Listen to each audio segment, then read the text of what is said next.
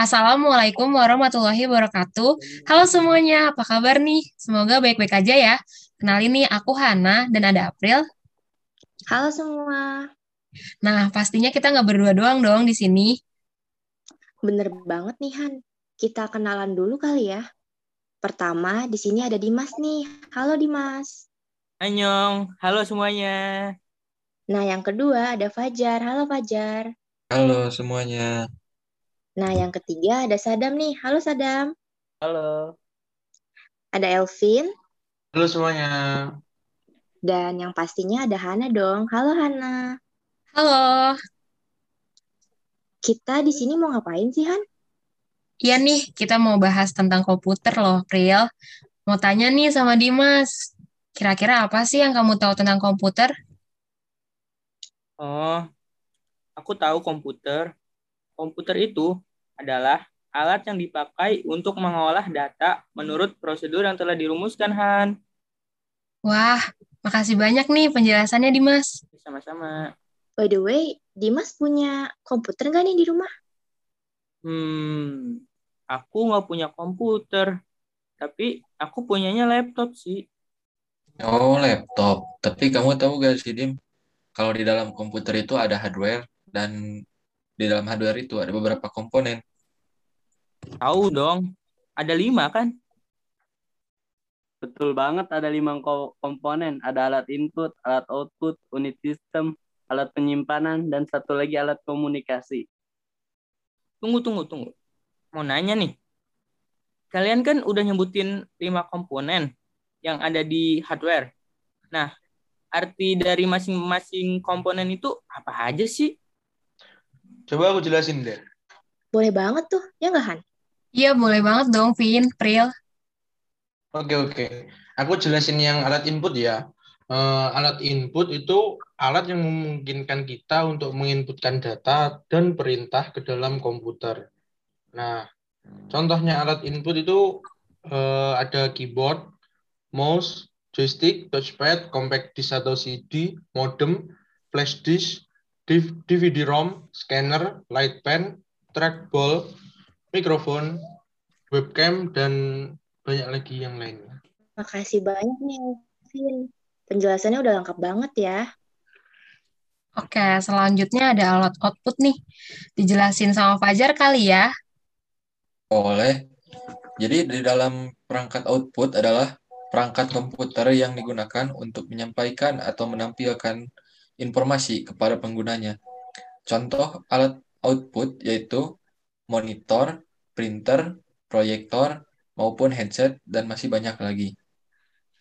Nah, kalau buat sistem unit itu adalah suatu rangka yang di dalamnya terdapat komponen-komponen elektronik dari komputer yang digunakan untuk memproses data. Nah, aku juga tahu nih tentang alat penyimpanan itu. Buat apa aja sih alat penyimpanan itu? Untuk menyimpan data, perintah, dan informasi untuk digunakan kemudian.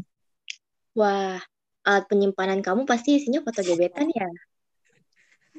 Bener sih, tapi bukan itu doang fungsinya loh, Pril. Tapi fungsinya itu untuk menyimpan data, perintah, dan informasi untuk digunakan kemudian. Nah, oke, habis hardware, kan ada temennya tuh, software. Kira-kira itu artinya apa tuh? Hmm, kayaknya Sadam mau ngejelasin nih Han. Boleh banget dong, Pril. Yuk, kita dengerin lagi. Ya, sini aku kasih tahu. Software itu adalah kumpulan kode pemrograman yang dipasang di hard drive komputer Anda.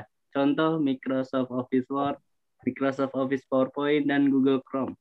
Nah, kalau kita ngerjain laporan, kita tuh pakai aplikasi software. Nggak sih, Pril? Pakai dong, Microsoft Office kan salah satu contoh dari aplikasi software. Eits, tapi jenis software itu bukan cuman program aplikasi doang loh. Bener banget, ada juga sistem operasi dan juga pem- bahasa pemrograman. Bahasa pemrograman. Itu yang buat ngoding nggak sih? Nah, iya benar. Bahasa pemrograman itu bahasa yang digunakan dalam membuat atau menyusun sebuah aplikasi. Nah, sama kayak tadi yang April bilang, Microsoft Office itu contoh salah satu program aplikasi software. Tapi bukan itu doang, masih banyak lagi contohnya. Nah, betul banget nih. Gak mungkin kan kalau kita sebutin satu-satu. Nah, kalau kamu April, apa nih program aplikasi software favorit kamu? Kalau dari aku sih, aku suka banget sama Corel Video karena aku suka ngedit video gitu sih Han. Dan Corel Video itu um, gampang banget untuk pemula. Oh, keren juga ya kamu. Eh, eh, guys, aku mau jelasin dong, guys, uh, tentang sistem operasi. Uh, sistem operasi atau operating system itu biasanya digunakan untuk mengkoordinasikan tiap komponen dan fungsi komputer. Uh, misalnya Windows, DOS, Linux, Mac OS, Chrome OS, dan banyak lagi yang lainnya. Nah, udah dijelasin nih tentang hardware dan software. Hmm, sekarang kita ke network dan internet kali ya. Nah, aku jelasinnya satu-satu tentang network dan internet. Yang pertama, network itu adalah kelompok komputer yang terhubung yang bisa saling berbagi sumber daya, seperti printer, printer atau modem dan data. Dan kalau internet itu sistem komunikasi global yang menghubungkan komputer-komputer dan jaringan-jaringan komputer di seluruh dunia. Bener banget nih Sadam. Kita lanjut ke kategori komputer yuk. Boleh banget nih kita dengerin Dimas.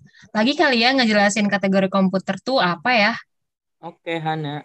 Jadi, kategori komputer itu dibagi menjadi tujuh kategori, yaitu pertama, superkomputer, kedua ada mainframe, ketiga ada komputer desktop, keempat ada komputer laptop, yang kelima ada komputer mobile, yang keenam ada komputer jaringan, dan yang ketujuh ada sistem embedded. Wah, terima kasih banyak ya Dimas penjelasannya. Nah, terakhir nih, tentunya ada kelebihan dan kelemahan dari menggunakan komputer. Kita berdua sebutin aja kali ya, April, kelebihan dan kelemahannya menggunakan komputer. Boleh, Tuhan. Kita mulai dari kelebihan menggunakan komputer kali ya. Okay. Pertama itu ada kecepatan.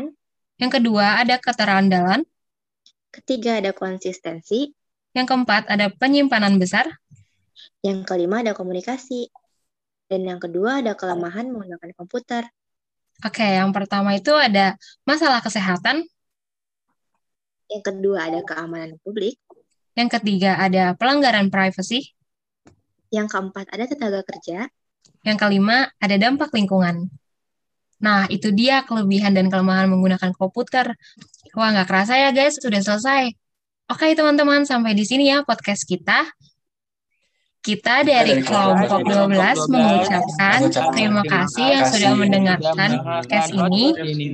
Have a good day everyone. Wassalamualaikum warahmatullahi wabarakatuh. Love you. Love you, love you, love you.